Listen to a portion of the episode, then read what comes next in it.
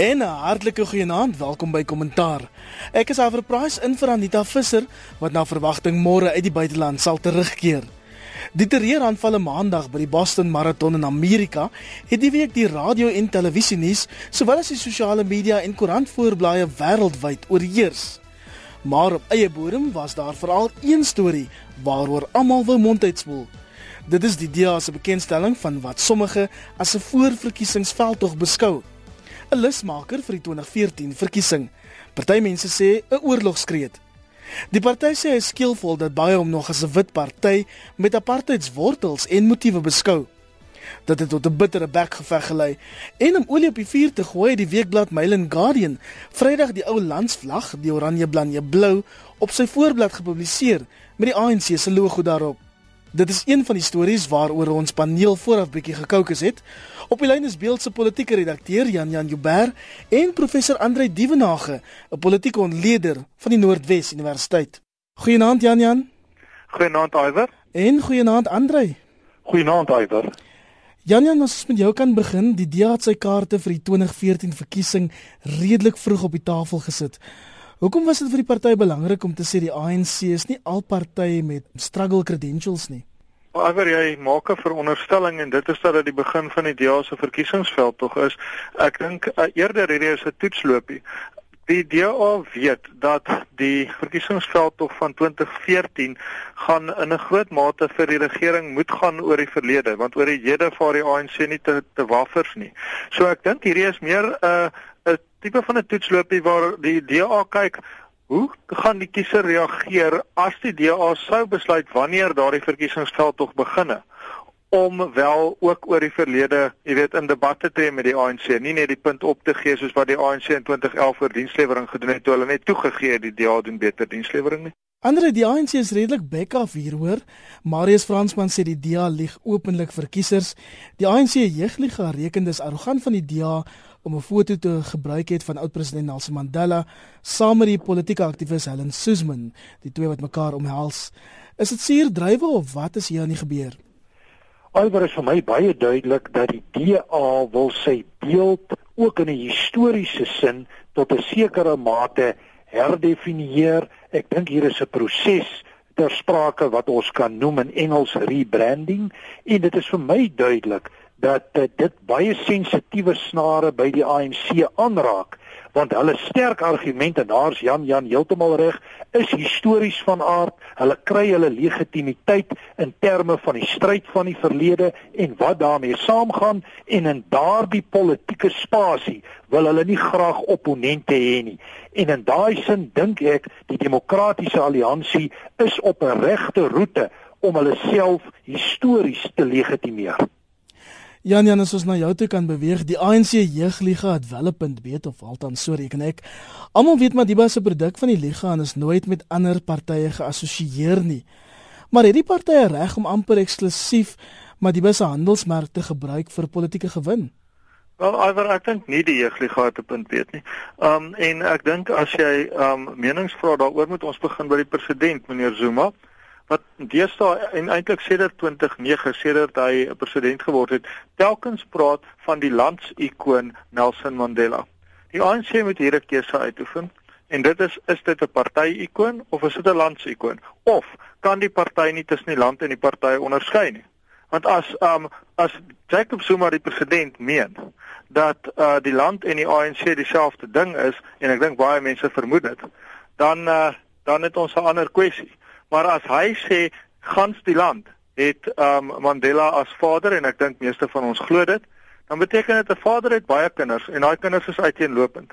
En of daai kinders nou in die blou of die groen span is, um as die ANC wil wil beweer dat Mandela die landsikoon is en ek ek ondersteun hulle daarin, dan moet hulle die uh die wysheid van visie hê om te sê as hy dan die landsikoon is, is hy mos ook die DA se.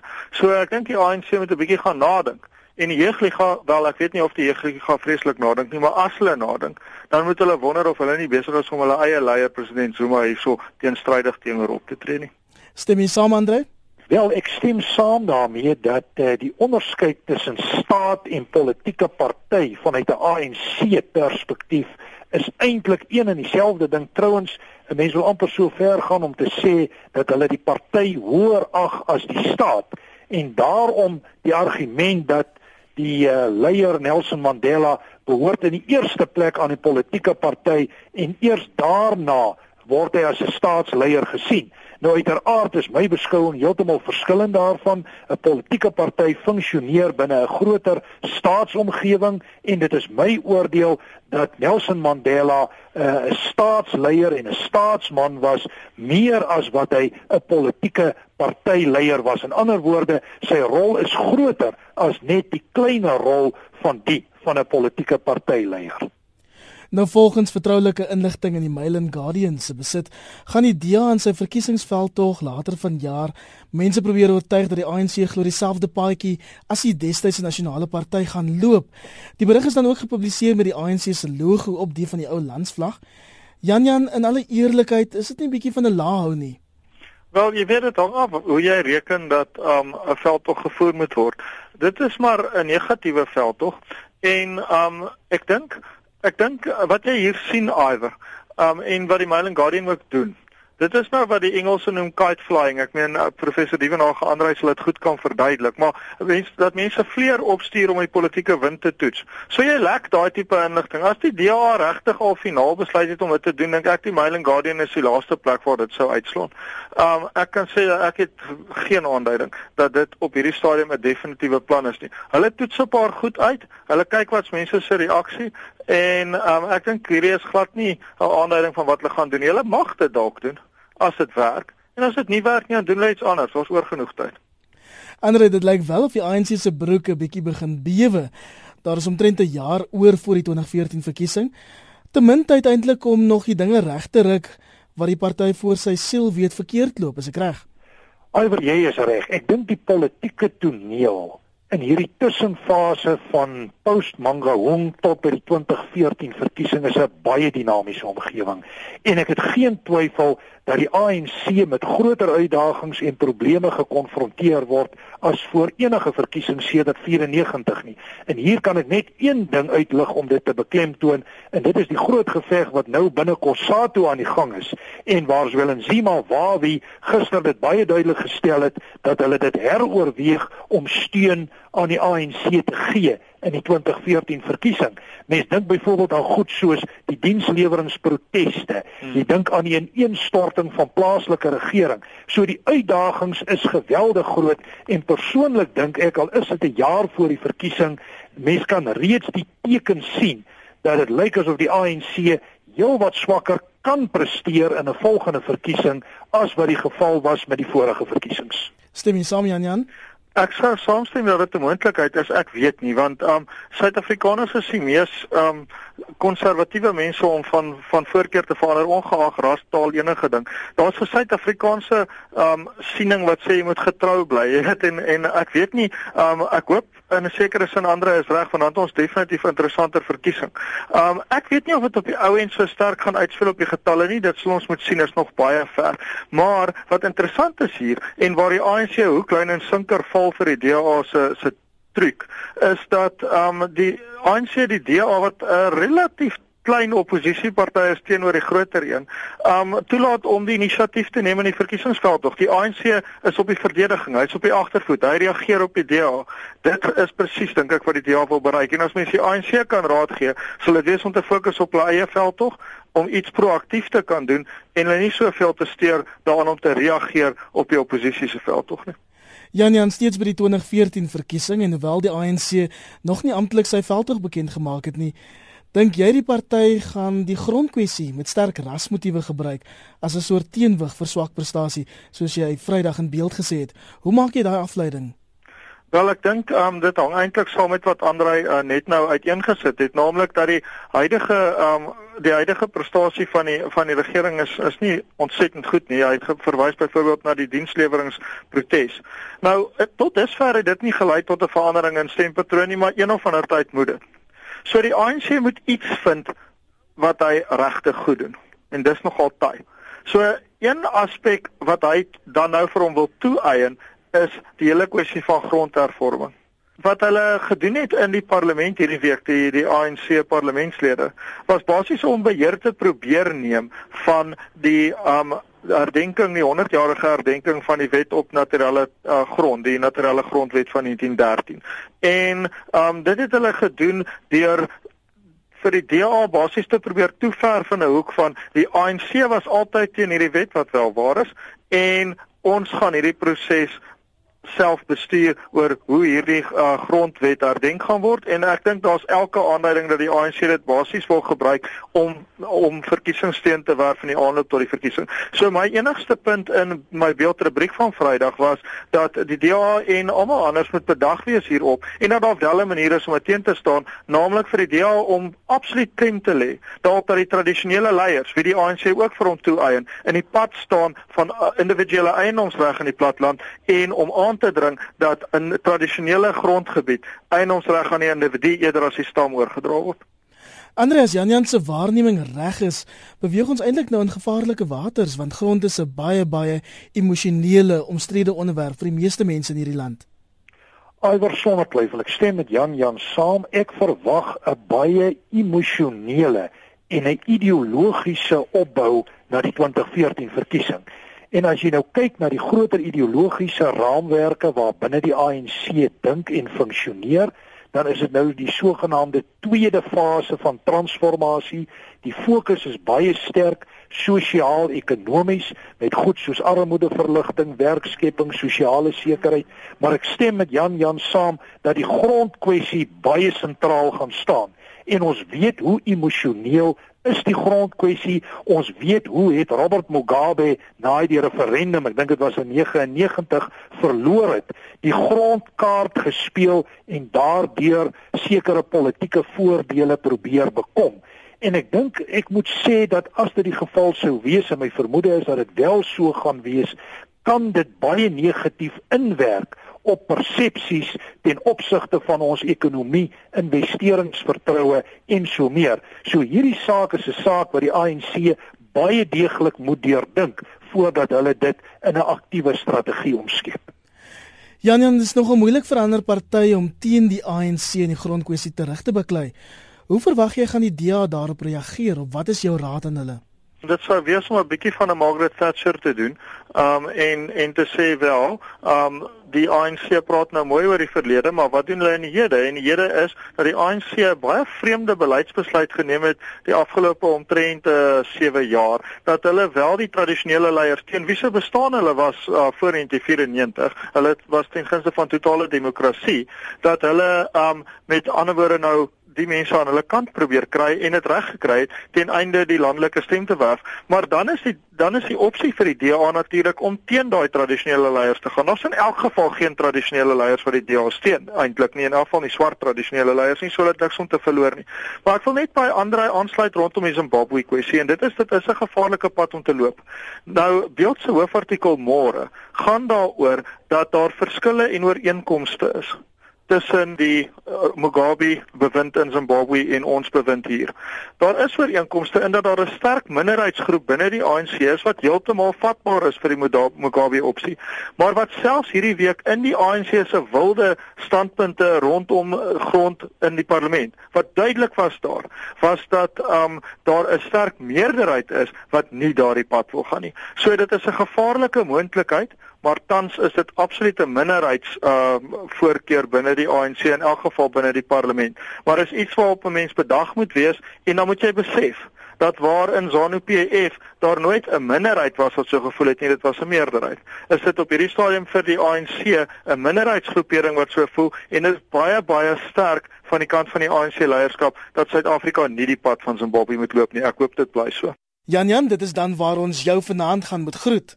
Baie dankie Iwer en goeienaand luisteraars. Jan Jan Joubert, beeld se politieke redakteur. Jy luister na kommentaar op RSG. Ek is Iver Price en ons praat verder met professor Andre Dievenage, 'n politieke ontleder verbonde aan die Noordwes Universiteit. As ons die fokus bietjie kan verskuif tot die leierskapstryd binne Kusatu Andre, dink jy is wel in Zimbabwe gaan die valbuil oorleef?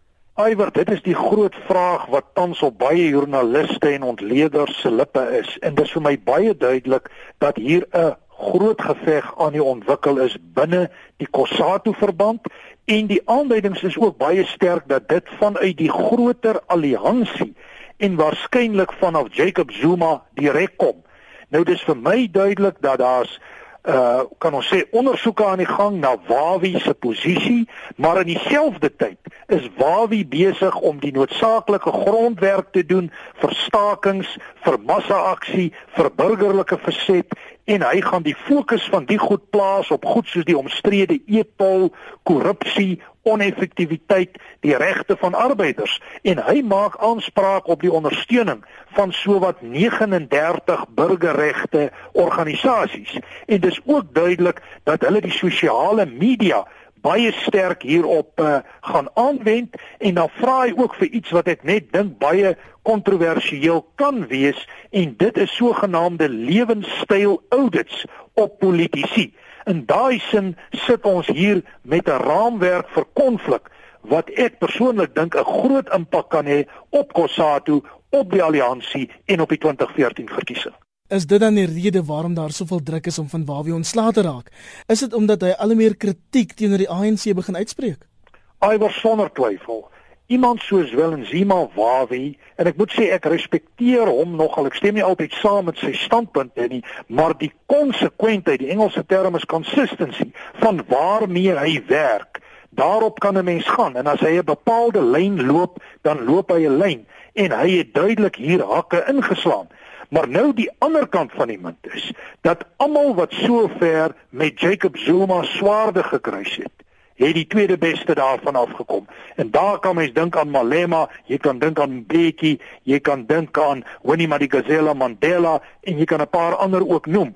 So ek moet regtig sê rondom hierdie twee leiers is daar 'n groot geveg aan die ontwikkel, maar dan het die geveg nog 'n ander dimensie ook en dit is 'n ideologiese dimensie. En hier gaan dit oor die stryd tussen die nasionale ontwikkelingsplan soos uh deur Zuma hulle ondersteun en die Zuma groepering binne die ANC en dan na die ander kant toe jou uh, meer national growth plan tipe oriëntasie wat verder links lê en meer pro-arbeidersgerig is. In daai sin het hierdie konflik ook 'n ideologiese kant en dit sny deur na die vraag waarheen moet die ANC ideologies gaan? Hoe moet hulle die nasionaal demokratiese revolusie idee in die tyd herdefinieer? So dit gaan nie net oor leiers nie, dit gaan ook oor baie diepliggende ideologiese denke binne die party. En is vir die ANC nogal belangrik dat Wawi buite in daai ontwikkelingsplan idee konsep. Ja, sonder twyfel. Uh is dit so dat uh, Zwelenzima Wawi vir hulle 'n probleem is? Hy opponeer die uh, die die hele plan geweldig sterk en hy is ook bereid om geen steen onaangeroer te laat om sy weerstand en sy verset hierteen uh, uit te spreek nie. Ek kan hom byvoorbeeld aanhaal waar hy sê there will be no common ground with these leaders verwysend nou na die leierskap wat die nasionale ontwikkelingsplan steun. In daai sin dink ek sit ons hier met 'n konflik en die groot vraag is nou tot watter mate kan Kossatu in sy huidige formaat hierdie stryd op die voetsoolvlak dryf en tot watter mate kan die regerende ANC hom en sy groepering inhibeer om dit te doen.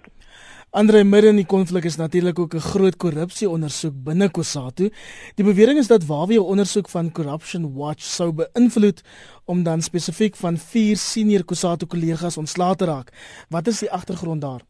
Wel, persoonlik dink ek die agtergrond daar is maar 'n kwessie dat Zwelenzima Wawie homself baie sterk opgestel het teenoor die huidige ANC leierskap en spesifiek dan die leierskap wat staan teenoor die groepering wat uit die Mangaung konferensie as die oorwinnaars na vore getree het. Hy self funksioneer glad nie op die stadium binne daardie omgewing nie en nou is dit uiteraard maar so dat kwessies geïdentifiseer word waar volgens jy leierskap in 'n slegte lig kan stel. En die argument wat gevoer word is dat die opponente van Zwelinzima Wawi wat op die oomblik nie duidelike gesigte is nie, die naam van uh, Sebud Lamini word genoem en op die verdere agtergrond sien mense 'n afbeelding van Jacob Zuma, maar is nie duidelik wie almal daar funksioneer nie. Maar wat wel duidelik is, is dat daar direkte pogings is om Zwelinzima Wawi se geloofwaardigheid in gedrang te bring deur hierdie ondersoeke. Daar's byvoorbeeld ook gekyk na die verkoop van die Kossatu gebou en was dit binne die grense van wat reg is en so aan. Maar direk kom dit daarop neer op 'n eksterne en 'n interne ondermyning van Wawi se leierskap en sy politieke integriteit. En so gesels professor Andre Dievenage van die Noordwes Universiteit. Baie dankie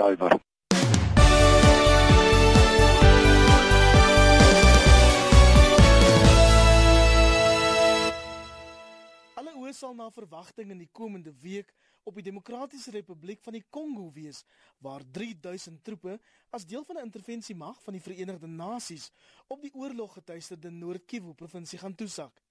Die atmosfeer is reeds gespanne want dit is die tuiste van Afrika se mees gevreesde rebellegroep, die M23. Ons praat nou met Pieter Louw Meiburg, 'n senior joernalis by Rapport en hy's reeds in Goma. Landbouwer, hoe gaan dit daar? Pieter Louw, 'n intervensie mag van omtrent 3000 is op pad na die einste gebied waar jy nou is.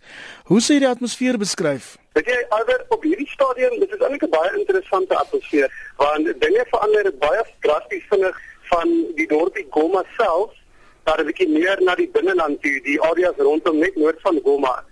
En ek sê binne in die dorp self, die stad eintlik, uh, is dit redelik uh, ontspanne op hierdie stadium. Daar's nie regtig 'n gevoel dat daar enige drastiese ehm um, jy weet konflik in dreig nie, maar uh, aan die buitewyke van die stad Valby die weernagbase is uh, is die die mense is maar opgeweet dat jy kan sien hulle is maar tens, maar ek neem aan dit is ook maar hoe hulle gewoonlik ehm um, jy weet gewoonlik is.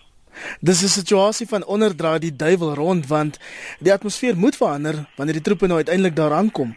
Ja, nee nee, nee verseker, maar dit is definitief die geval. Weet jy, ons het met 'n paar joernaliste hier gepraat wat al vir jare lank hierse verslag lewer uh, mense wat by by nie regeringsorganisasies werk en plaaslike inwoners en hulle het ook 'n prentjie geskep van verlede jaar toe uh, die M23 rebelle groep hier in die stad Goma beweeg het hoe dit letterlik binne 'n paar uur gebeur het jy weet so dit is definitief 'n deel van die wêreld waar die vrede baie baie drasties en vinnig uh, versteur kan word Jy het nog nie van daai gevreesde M23 rebelle raakgeloop nie, hè?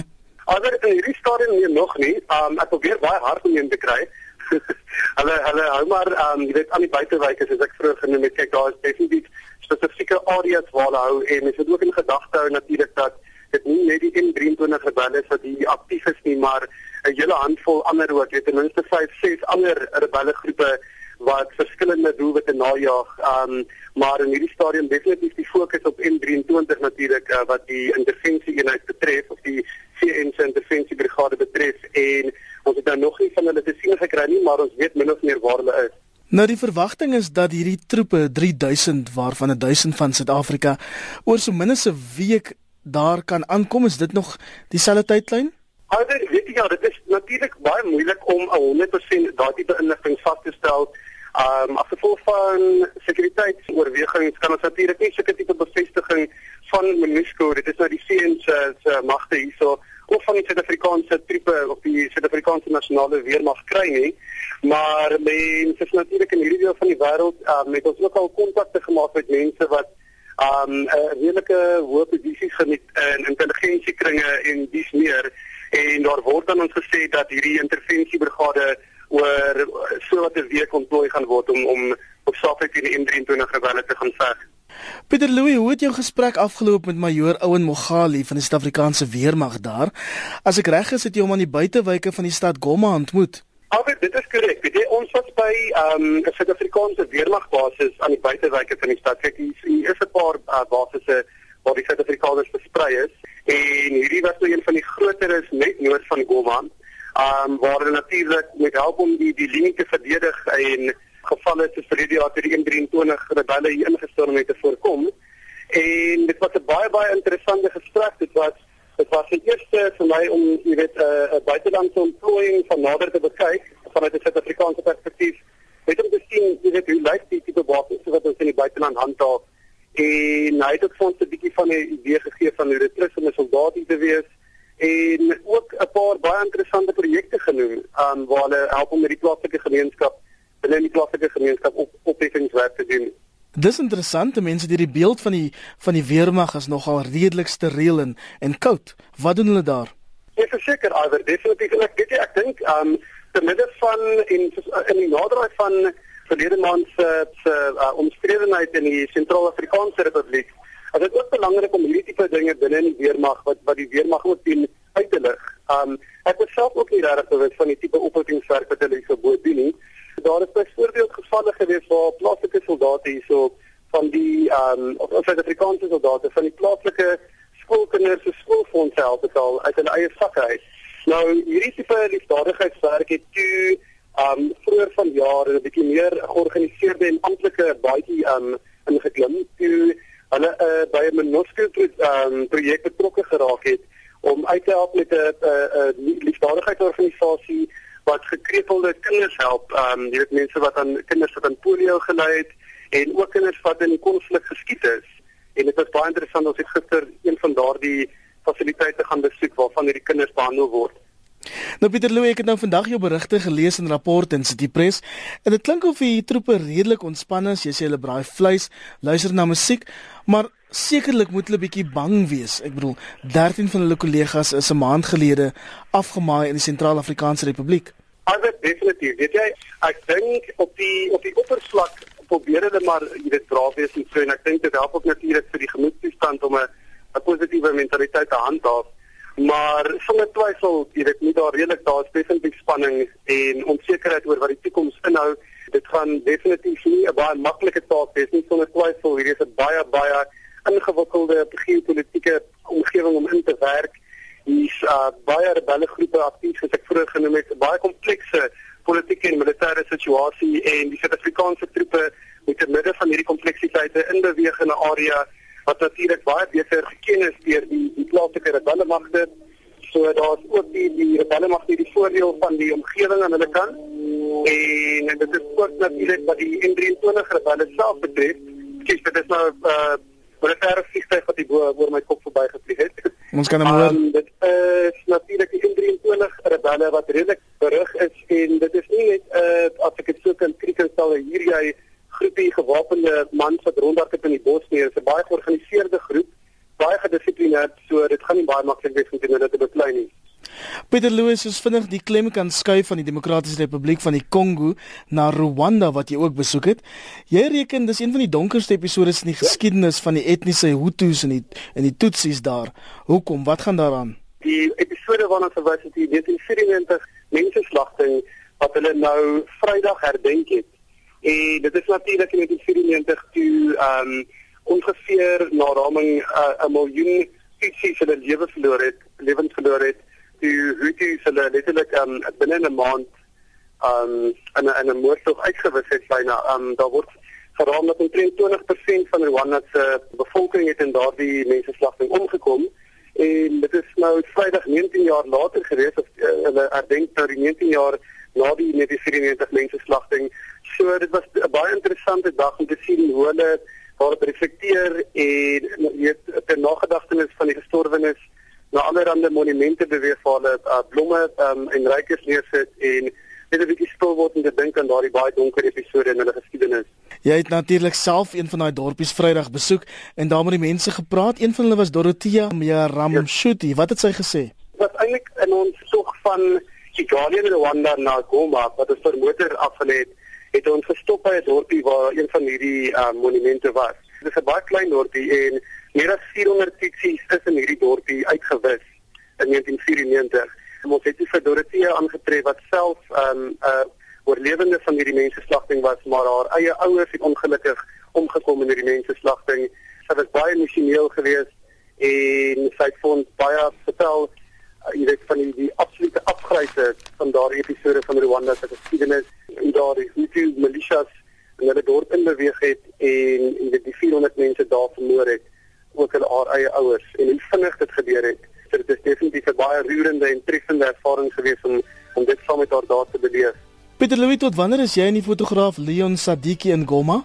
Alhoewel ons bly nou hier na Springe nou staan tot Saterdag die 27ste April. Ons het so 'n um, wyte tydperk as moontlik probeer kry om om hierdie tyd te spandeer indien die aksie intervensie brigade se aksie teen die 123 rebelle begin dat ons nog steeds hier so rond sou wees. Dit is nou nie seker of dit wel die geval sou wees nie, maar dit is nogtans 'n baie interessante, terselfdertyd ingewikkelde en komplekse area om 'n verslag te doen en ek is seker ons gaan nog baie interessante stories um, raakloop en en uitgrawe en baie interessante mense wat hier kom.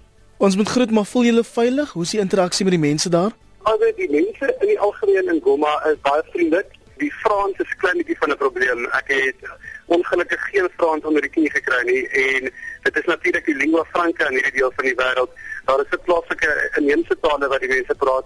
Ek ken die fotograaf Leon Sadiki wat albei Leon praat natuurlik um ehm, vir die video of natuurlik sy moedertaal is Zulu myne is Afrikaans, ons albei praat Engels, maar mens kom nie te ver met die Engels in hierdie geval in hierdie wêreld nie. Gelukkig het ons 'n baie goeie fixer wat hulle um, in journalistieke terme en dis iemand wat jou net jou proses hierso op jou verblyf fasiliteer en jou in koneksie bring met die regte mense en sy Engels is gelukkig van so 'n standaard dat hy as 'n tolk ook kan optree vir ons. Merci, baie dankie. Sterkte daar Pieter Louw.